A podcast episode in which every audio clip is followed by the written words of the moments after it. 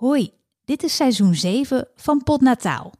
De podcast waarin je bekende en onbekende vrouwen open en eerlijk over hun bevalling hoort vertellen. Voor je verder gaat met luisteren, is het belangrijk om te zeggen dat de verhalen die je hoort persoonlijke verhalen zijn, verteld vanuit de vrouw die het heeft meegemaakt. Heb je medische vragen over je eigen situatie? Leg die dan altijd neer bij je arts of zorgverlener. Laat je verder vooral inspireren door de vrouwen die je hoort. Haal steun uit herkenbare situaties, maar ga jezelf niet spiegelen. Want elke bevalling is weer anders en hoe het bij de ene vrouw verloopt, zegt weer niets over hoe het bij jou zou kunnen gaan als je nog moet bevallen. Oké, dat gezegd hebbende, heel veel luisterplezier.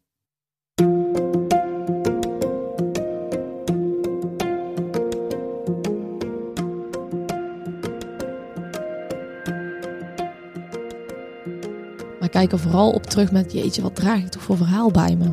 Soms Ja. denk ik wel eens om, ja, als een soort van superkracht die ik stiekem bij me draag. Zo voelt het echt wel eens. En natuurlijk denk ik wel, ook had het, als het nou een paar minuten later was geweest, dan, dan was Matthijs erbij geweest. Maar hij zei zelf ook, ja, al was ik beneden geweest, ik had jou dan niet horen roepen vanuit de douche, dan had je het nog alleen gedaan. Ik ben Simone Wijnands, moeder en ik maak Podnataal sinds eind 2017. Eerste podcast over zwangerschap en bevallingen in Nederland. En in deze aflevering hoor je het bevallingsverhaal van Lin. Mijn naam is Lin Adelmeijer, ik ben 33 jaar en ik woon in Eindhoven samen met mijn vriend Matthijs en onze twee zoontjes. Ehm, voor werk eh, geef ik trainingen aan pedagogisch medewerkers in de kinderopvang. En ik ben eh, voor het laatst bevallen in februari 2021 van mijn zoontje Kees. En daarvoor ben ik al bevallen van een zoontje Biek in 2019.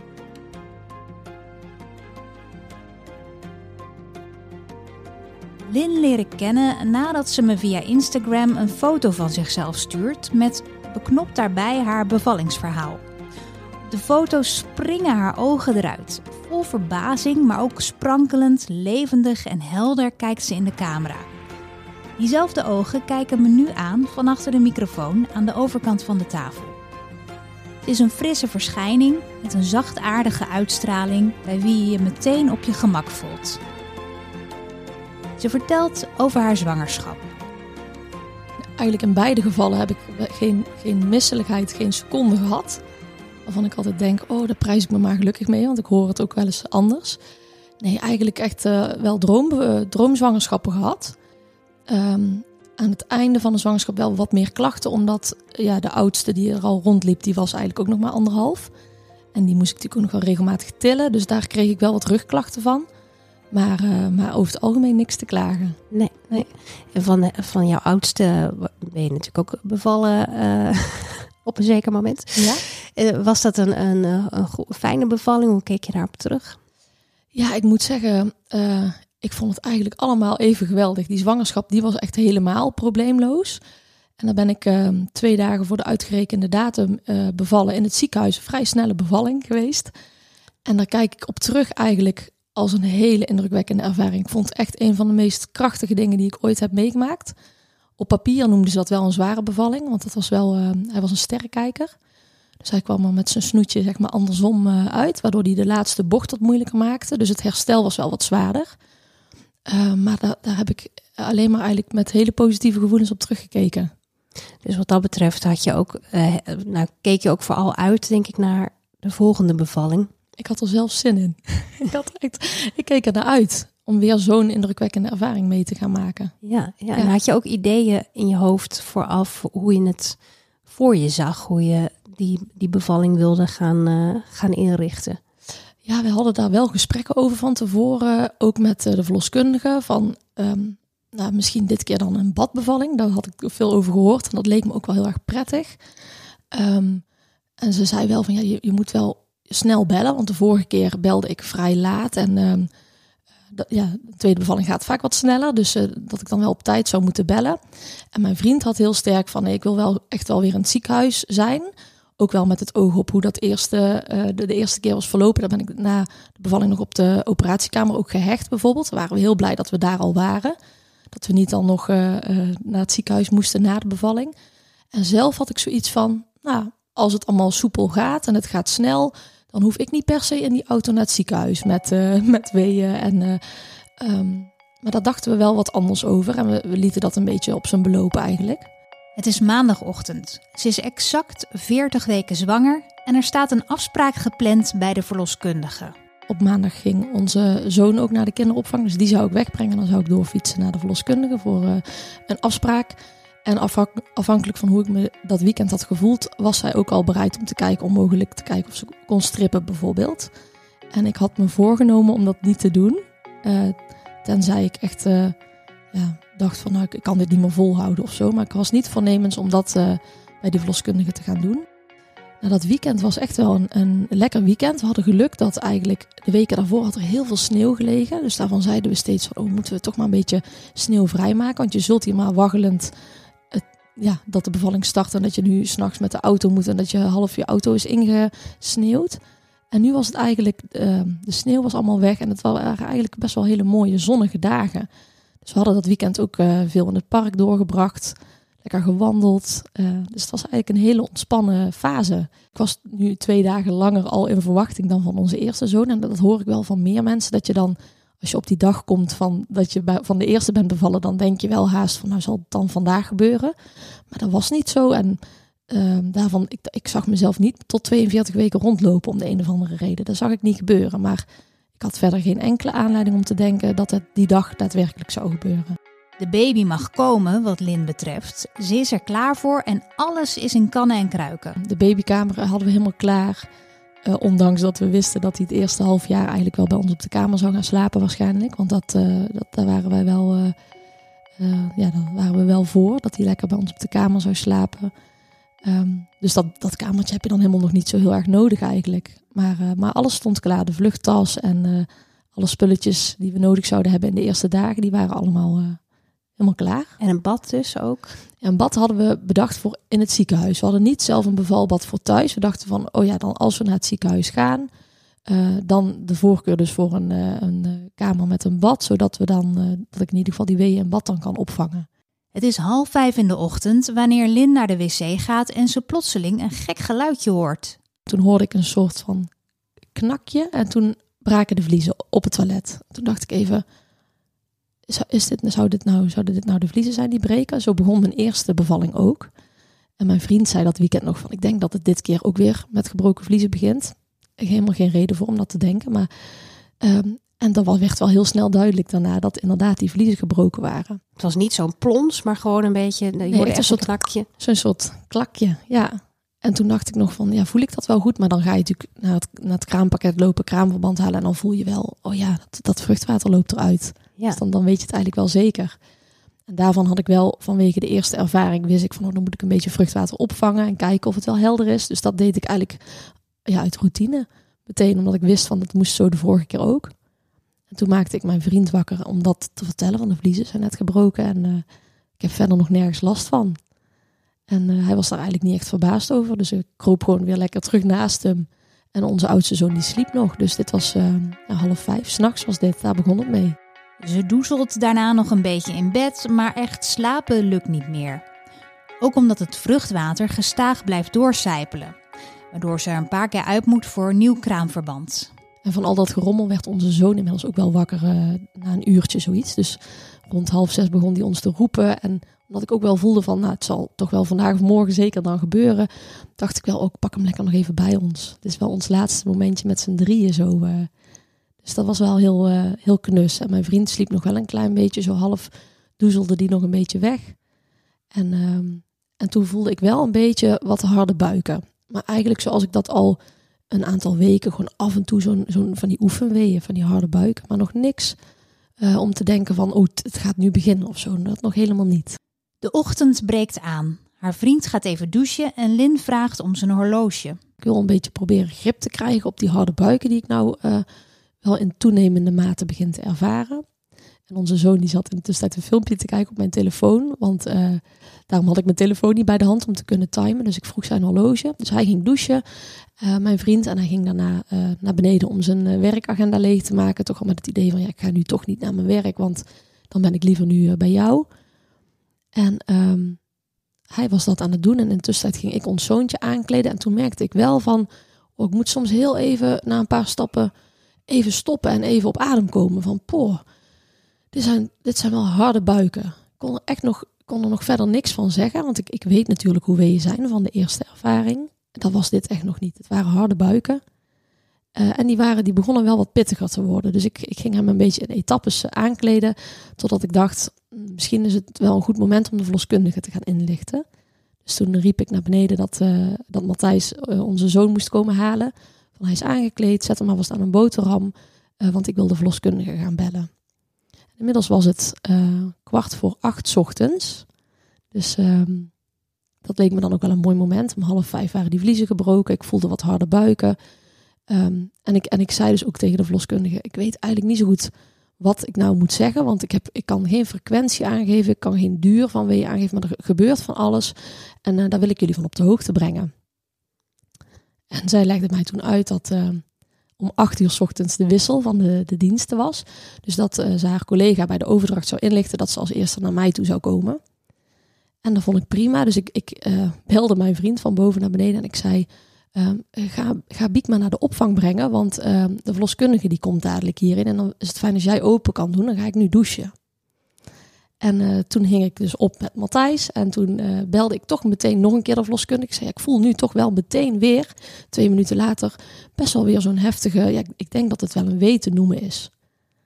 En ze zei, ja, dat is helemaal duidelijk. Ik zal zeggen dat ze er zo snel mogelijk aankomt.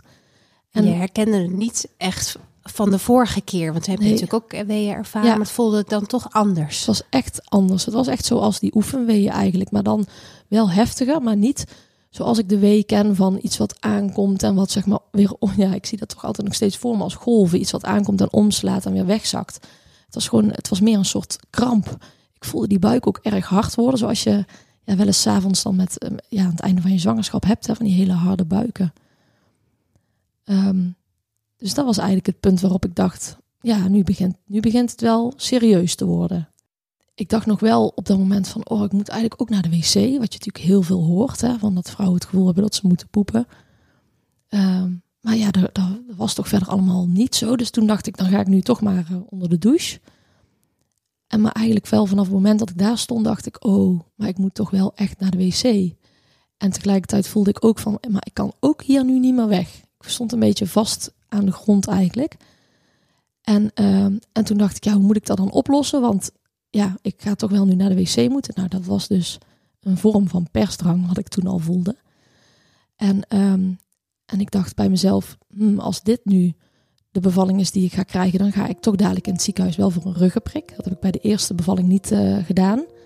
Maar ik dacht, dit, dit is wel extreem, dit ga ik niet lang volhouden. In eigenlijk slechts een paar minuten tijd gaan de weeën van Lin qua gevoel naar standje 100. Dit zou kunnen zijn wat mensen omschrijven als een weeënstorm. Daar had ik, had ik nog geen ervaring mee, maar ik dacht dat dat moet wel dit zijn. Dit is extreem, dit is niet lang vol te houden. Maar wel nog steeds in mijn hoofd met dadelijk in het ziekenhuis moet ik dan misschien maar wel aangeven dat ik een ruggenprik wil. En dat gebeurde allemaal in een paar seconden en ondertussen voelde ik die persdrang en ik, instinctief voelde ik tussen mijn benen van wat is hier nou aan de hand? En toen voelde ik dus zijn hoofdje al. Een heel gerimpeld, golvend hoofdje voelde ik tussen mijn benen. Ja, dan schrik je natuurlijk kapot. Lin weet niet wat haar overkomt. Nog maar een paar minuten geleden was ze in de veronderstelling dat haar bevalling nu een beetje op gang aan het komen was. En opeens voelt ze daar al het hoofdje van haar kindje. Ja, als ik daar nou aan terugdenk, denk ik ook, jeetje, het is toch, het is toch te bizar. En die, realiseerde je ook meteen dat is zijn hoofd? Was het ook meteen uh, dat je dacht, oh ja. Ja, ja, in combinatie met, ja jeetje, had ik dan niet eerder kunnen bedenken dat dit persdrang was wat ik voelde. Dan achteraf denk ik, hoe kan dat nou? Hoe kan je dat gemist hebben? Maar toch echt wel die aanloop van die weeën, die heb ik echt, dat heb ik echt zo niet ervaren als, als weeën. Ik dacht, dit is de voorbereidende fase. En die weeën, dat ken ik. Die heb ik bij de eerste bevalling urenlang op mijn zij opgevangen. En ik heb toen pas de verloskundige gebeld toen ik al 7 centimeter ontsluiting had. Dus vanaf toen, toen was hij er ook binnen een paar uur, ook al was het een sterrenkijker. Dus ik dacht steeds, ja, wat je ook wel van heel veel vrouwen hoort. Hè, van ik wil niet te vroeg bellen, want dadelijk heb ik pas één centimeter en dan moet ik nog zo lang. En dan, dan heb ik eigenlijk al een beetje het gevoel dat het echt begonnen is. Nou, hier, hier was niks tegen te beginnen. Hebben ze me ook verzekerd of je had niet eerder kunnen bellen. Er was, er was geen houden aan.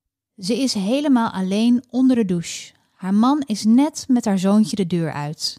De verloskundige komt nog niet. De telefoon ligt verderop in de badkamer. Haar instinct neemt het over. Ja, in een seconde dacht ik van, moet ik nou, moet ik nu, moet ik nu stoppen? Moet ik nu me inhouden? Moet ik het proberen tegen te houden? Ook vanwege die eerste bevalling, want daar had ik wel wat schade aan overgehouden. Ehm, qua ruptuur en ook een knip gehad. Dus ik dacht wel, oh, ja, ik was een beetje bezorgd over, gaat dat allemaal wel goed als, als er nou met geweld zo'n kind doorheen moet? Maar er was, er, was niks tegen te doen. Dat was een geweld waarmee hij gewoon liet weten, ik kom eraan en er is niks tegen te doen. Dus ehm, ik, ik eh, hoor mezelf gewoon echt een kreet slaan. Ik trok de douche, die trok kapot, blijkt achteraf. Die lag los op de douchevloer. Ehm, en, en ik voelde dus met die kreet zijn hoofd geboren worden. Voelde ik ook met mijn hand. En op dat moment ga ik door mijn knieën op mijn knieën zitten. Want je voelt wel van jeetje, ja, je staat dan nog zo hoog. Hè? Je moet zorgen dat je dichter bij de grond zit. Op die glibberige badkamervloer. Ja, in die douchebak. Ja. En, ehm, en, en, ik, en ik denk ook heel de tijd, ja, wat de hel gebeurt hier? Is dit, gebeurt dit nu echt? En een uh, kreet later voel ik zijn hele lijfje geboren worden. Die vang ik op. Maar het glibbert ook. En, en ik ben ook een beetje in shock. Dus ik vang hem zo samen met een zachte landing op de douchevloer. Vang ik hem op. En ik ben nog een beetje verrast eigenlijk. Omdat ik zijn achterkant zie. Ik weet niet, om de een of andere reden had ik verwacht dat ik zijn, zijn gezichtje zou zien. Dat heb ik bij mijn eerste zoontje natuurlijk helemaal niet zo meegekregen. Maar die was natuurlijk met zijn gezicht naar voren geboren. Maar nee, en ik, ik heb hem gewoon opeens vast in die, in die douche. Ik snap er helemaal niks van. Als ik er nou over terugdenk, dan denk ik echt, hoe kan het toch, hoe kan het toch zo gegaan zijn eigenlijk? Met twee persweeën is daar haar zoontje, glibberig en al, in haar armen. Uiterste verbazing, shock, maar tegelijkertijd ook allerlei gedachten overspoelen haar. Dat ze zo adequaat wist te handelen, verbaast haar achteraf ook. Ja, je, je bent nu alleen, je moet, jij moet het doen.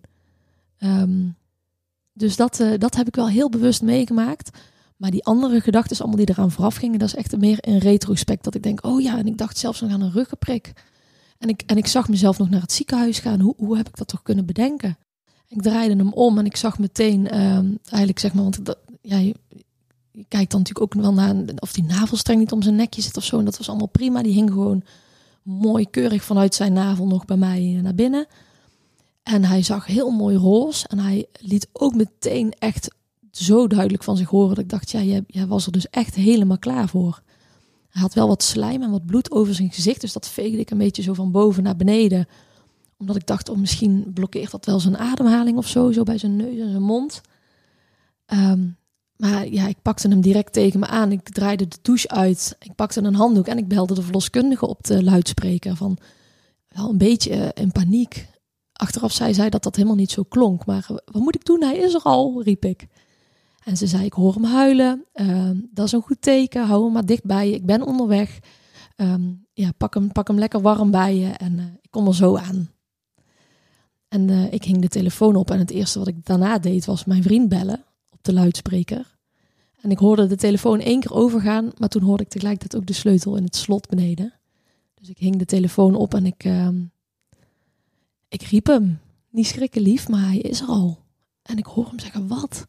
En hij loopt de trap op en op dat moment zie ik door zijn ogen van hoe moet dit zijn om nou thuis te komen. Je bent, nou wat is hij van huis geweest, zes minuten. En daar zit, daar zit je vriendin met baby op de grond. Het is natuurlijk ook wel een beetje een bloedbad, hè? dat kun je je voorstellen. En hij was zo kalm en zo rustig. Helemaal niet uh, geschrokken of gestrest. En dat kalmeerde mij meteen ook weer heel erg. Ik was op dat moment niet uh, in paniek hoor, maar wel ja, wat ik nu weer een beetje voel, zo trillerig. Als ik er zo aan terugdenk, dan voel ik dat ik weer een beetje aan het trillen ben. Ze is op het badmatje gekropen, half rillend, met een handdoek om zich heen. En uh, Kees, onze zoon, die ging al meteen instinctief aan de borst. Dat was ook zo iets bizars. En um, dus hij komt binnen. En ik besef me ook dat de placenta ook al geboren was. Die lag tussen mijn benen in op, de, op die badmat. dat heb ik dus niet bewust uh, meegemaakt. Achteraf besef ik het me wel van, oh dat is goed, die komt nu ook. Maar ik heb dat toen helemaal niet gevoeld. Dus hij zegt, wat kan ik doen? Hij deed meteen het grote licht uit, want het was natuurlijk vrij fel voor, uh, voor Kees ook. En de deur dicht voor de tocht en hij pakte extra handdoeken. En voor ons gevoel uh, duurde het best wel lang voordat de verloskundige toen nog kwam. Hij zei zelfs, zal ik een paar foto's maken, waar ik achteraf heel blij om ben. Uh, want ja, dit, dit geloof je bijna niet, dat dit zo gebeurd is. De foto waar ik het in het begin over had. Lin die met haar grote ogen in de camera kijkt, midden op de badkamervloer, een handdoek om haar heen. Een gelukkig gezicht, maar ook verbijstering. Het besef wat er net is gebeurd is nog niet helemaal bij haar geland. De foto's zijn voor haar ontzettend waardevol gebleken. Ja, als ik daaraan terugdenk, daar, ontleen ik echt zoveel kracht nog aan. Dat je dit dus kunt als vrouw in je eentje als het moet. Er zijn natuurlijk landen over de wereld waar iedereen dit dagelijks doet. Hè. Dat besef ik me heel goed. Maar wat een oerkracht. Dit is wel waar, waar je dus ja, waar je toe in staat bent als vrouw. Ja, waanzinnig. En ook, ik was ook echt heel erg trots op mezelf. Ik valt natuurlijk helemaal niet zoveel credits aan te verdienen, want het overkomt je. En ik denk ook dat de natuur het overneemt. Ik denk, als dit je overkomt, ja, dat is niemand die dan uh, niet handelt, zeg maar. Maar ik was echt heel erg trots op mezelf, ja. Zittend op de vloer bekijkt ze haar zoontje voor het eerst eens goed. Wie is deze kleine jongen die zo snel ter wereld kwam nou eigenlijk? Toen ik eenmaal wist dat ik een tweede zoontje kreeg, dan ga je toch ook al een beetje zo'nzelfde snoetje verwachten. Dat, dat herkende ik niet direct. Ik vond hem niet meteen sprekend zijn broer bijvoorbeeld. Um, maar ik dacht alleen maar, hij was ook vrij groot. Vond ik was 3750 gram. Dus helemaal niet zo'n hele kleine baby om zomaar als een raket ter wereld te komen. Uh, maar hij was, ja, hij was echt af. Hij was echt, uh, hij was mooi roze, hij was gezond. Uh, ook toen de verloskundige eenmaal kwam, die, die, zag, die had geen seconde zorgen over hem. Die zag er zo goed uit, dat ik zo'n hele hoge APCAR-score gekregen. Terwijl zij hem natuurlijk niet hadden kunnen beoordelen de eerste minuten. Maar dat was alleen al door die luide kreet aan de telefoon, was dat duidelijk. Deze gast is zo gezond. Ja, echt een gezonde jongen. Ja. ja. En zij kwam binnen, toen, toen was je nog steeds in de badkamer ja, eigenlijk. Ja, Volgens mij had mijn vriend inmiddels wel een beetje op mijn billen gedraaid. Nadat ik met mijn rug tegen de badrand kon zitten. Want ik zat al die tijd nog zeg maar op mijn knieën. Dus dat, ja, je voeten natuurlijk een beetje slapen en dat is een beetje oncomfortabel. En uh, had hij me een beetje met een uh, badjas zeg maar ingepakt. Um, en, uh, en de, de, verloskundige, dat is een hele ervaren dame. Wat ik ook heel prettig vond dat zij binnenkwam. Die dames waren allemaal heel professioneel natuurlijk. Maar de, de meest ervaren dame die kwam binnenstappen, daar was ik heel erg blij mee. En nou, ze zag dus meteen dat met Kees alles goed was. Dus die ging ze afnavelen. Maar ze zei ook, ik zie wel heel veel bloed. En ik kan niet helemaal inschatten hoeveel er dan door het doucheputje al is verloren gegaan. Um, dus daar, daar wil ik even goed naar kijken. En vanaf het moment eigenlijk dat Kees toen uh, werd afgenaveld, werd hij ingepakt en op ons bed gelegd. Die lag daar gewoon in zijn eentje tevreden te zijn. En toen was het bij mij wel even dat de shock zeg maar in, uh, in uh, daalde. Dus toen verloor ik even kort het bewustzijn. Want ik denk dat je lichaam gewoon denkt, oké, dit heb ik nu gedaan, die baby is veilig. Dan, dan, ja, dan schakelt hij heel even uit. Dus um, denk dat ik maar een hele korte tijd al heel even het bewustzijn verloor. Ik voelde dat ook aankomen. Dus ik gaf dat ook aan van, oh, ik zie nu dat jij helemaal paars wordt. Uh, volgens mij ga ik zo flauw vallen. Dus kwamen ze samen bij mij zitten, hebben ze me heel rustig neer kunnen leggen. En eigenlijk voordat ik echt horizontaal lag, voelde ik me alweer bijkomen. Uh, maar dan is het wel meteen, dan gaat er wel meteen een protocol in. Als je net bevallen bent en veel bloedverlies en het bewustzijn verliest, dan, uh, dan, dan moet er wel meteen een protocol worden gestart. Dus dan wordt de ambulance gebeld en dan, uh, dan krijg je, ja, dat een fluxus noemen ze dat geloof ik. Uh, dus dan, uh, dan zit je wel meteen even in een ander spoor, maar dat was prima. Ik, ik, het kon me echt allemaal helemaal niet schelen. Ik dacht alleen maar, hij is er en hij is gezond en wat is dit nou toch voor verhaal? Niet alleen voor Lin is het nog altijd een gekke gewaarwording, ook voor haar vriend is het een heftige gebeurtenis. Het ging allemaal zo snel dat hij niet bij de geboorte van zijn tweede zoon kon zijn. In eerste instantie vat hij dat vooral praktisch op. Nou, zijn eerste reactie was eigenlijk, maar misschien is dat ook een beetje uh, uh, ja, een houding. Van, nou, het, is ook toch wel, het scheelt ook wel heel veel gedoe van uren wachten en spannend. En hij had dat bij de eerste bevalling ook wel moeilijk gevonden om er zo bij te staan en eigenlijk niks te kunnen doen en wel mij te zien knokken. Dus dat was zijn eerste reactie van, nou ja, dat is dan allemaal vast mooi gebeurd. Maar achteraf is het natuurlijk heel gek om maar één van de twee bevallingen van je, van je vriendin eh, te hebben meegemaakt. Ja, Ehm, maar ja. maar hij was zo rustig en relaxed. Dat is echt. eh, ik denk dat heel veel mannen er eh, wat witter, zeg maar, de badkamer hadden betreden. Inmiddels zijn de ambulancemedewerkers ook gearriveerd. Die komen dan allereerst even wat dingen meten. En die leggen ook meteen een infuus aan, waar dus ook een hoge dosis oxytocine in wordt toegevoegd. Ehm, wat de verloskundige eh, betrof, was dat niet nodig. Zij voelt dan aan je buik en dan voelt ze, oh ja, maar die baarmoeder is wel een harde bal, zo omschreef ze. Dus dat betekent dat, dat het goed aan het dichtgaan is aan de binnenkant. Maar eh, die ambulance ehm, broeders die zeiden eigenlijk meteen, ja, dat, dat doen wij gewoon uit voorzorg. Eh, dus dat was, dat was prima. En toen dat er eenmaal zeg maar doorheen gedruppeld was, toen zeiden ze, nou dan gaan we nu proberen of je naar beneden kan lopen. En ik dacht echt, wat? Naar beneden lopen? Ja, we gaan het toch echt proberen. Nou, en eigenlijk die eerste paar stappen dat ik overeind was, eh, verloor ik weer het bewustzijn. Dat ging gewoon echt nog niet. Dus dan word je met een stoeltje naar beneden gedragen eigenlijk. En ook een hele gekke ervaring. Word je echt met van die riempjes vastgezet. Dan word je op het hart gedrukt dat je niet mag bewegen. Want ze verliezen natuurlijk eh, heel makkelijk hun evenwicht als je dan, eh, als je dan gek gaat zitten bewegen. En dan word je inderdaad beneden op een brancard gelegd en in de ambulance eh, gezet. En, en mijn vriend is toen met die hele kleine kerstverse baby in de maxicosi achter ons aangereden naar het ziekenhuis. Wat, hoe voelde je je toen? Ja, toen heb ik wel alleen maar gehuild in die ambulance. Van jeetje, had ik eerder moeten bellen? Had ik het anders moeten doen? Wat is dit toch voor raar verhaal? Hoe kan dit nou? Allemaal dat soort gedachten. Dus ik denk dat het toen pas een beetje eh, tot me doordrong. Van hij is er al. In de ambulance voelt ze zich gespannen en emotioneel. Ik dacht wel, goed, met hem is alles oké. maar ik had ook wel die blik van die verloskundige, had ik ook toch wel echt wel in de gaten van. Ik heb het daar ook gevraagd, dan maak je je nu zorgen om mij? Eh, nee, nee, ik maak me geen zorgen, maar we moeten dit wel even zien te stoppen, die bloeding. En eigenlijk op het moment dat ik in de ambulance lag, zeiden ze al, het is eigenlijk al onder controle. We maken ons helemaal geen zorgen meer. Maar dit is nu eenmaal het protocol. Ehm, maar de, de, ik denk dat het besef van die ervaring, dat kwam echt in die ambulance. Kon ik alleen maar huilen. Voor mijn gevoel duurde het nog heel lang voordat eh, mijn vriend er was met Kees. Maar hij zei dat was echt een paar minuten. Dan wordt, wordt de baby meteen weer bij je neergelegd, wat natuurlijk heel fijn is. En, eh, en daar zagen ze eigenlijk hetzelfde als wat ze in de ambulance al zagen. Alles is onder controle. Dan moeten er alleen wat dingen worden geregeld met nog wat extra ijzer en dat soort dingen. Krijg je nog wat infusen. En ik moest dan nog gehecht worden daar op de, op de behandelkamer. Maar mocht ik fijn gewoon Kees bij me houden. En dan is het een kwestie eigenlijk van wachten tot je waardes weer op orde zijn. Hè? Dat je, je bloed weer goed genoeg is. En ehm, eh, dan moest ik wel op een gegeven moment als test een beetje gaan proberen te staan. Maar dan was ik toch nog wel heel wankel. Dus ik had, ehm, ja, hoeveel bloed je dan verliest, weten ze natuurlijk niet. Hè? Maar ehm, de zorg was daarover weg. En dan voel je wel, ja, er is wel, het was wel een aanslag op je lijf. Dus daar moet je heel even van bijkomen. En dat infuus moet dan helemaal doordruppelen, zodat je een beetje aansterkt. En eh, daardoor uiteindelijk waren we pas een beetje tegen de avond eh, naar huis. Terwijl eh, hij om acht uur s ochtends eigenlijk geboren was. Hun andere zoontje is opgevangen door opa en oma en heeft daar ook geslapen. Doordat het ook nog coronatijd is, moeten ze de volgende dag even bedenken hoe ze het gaan doen.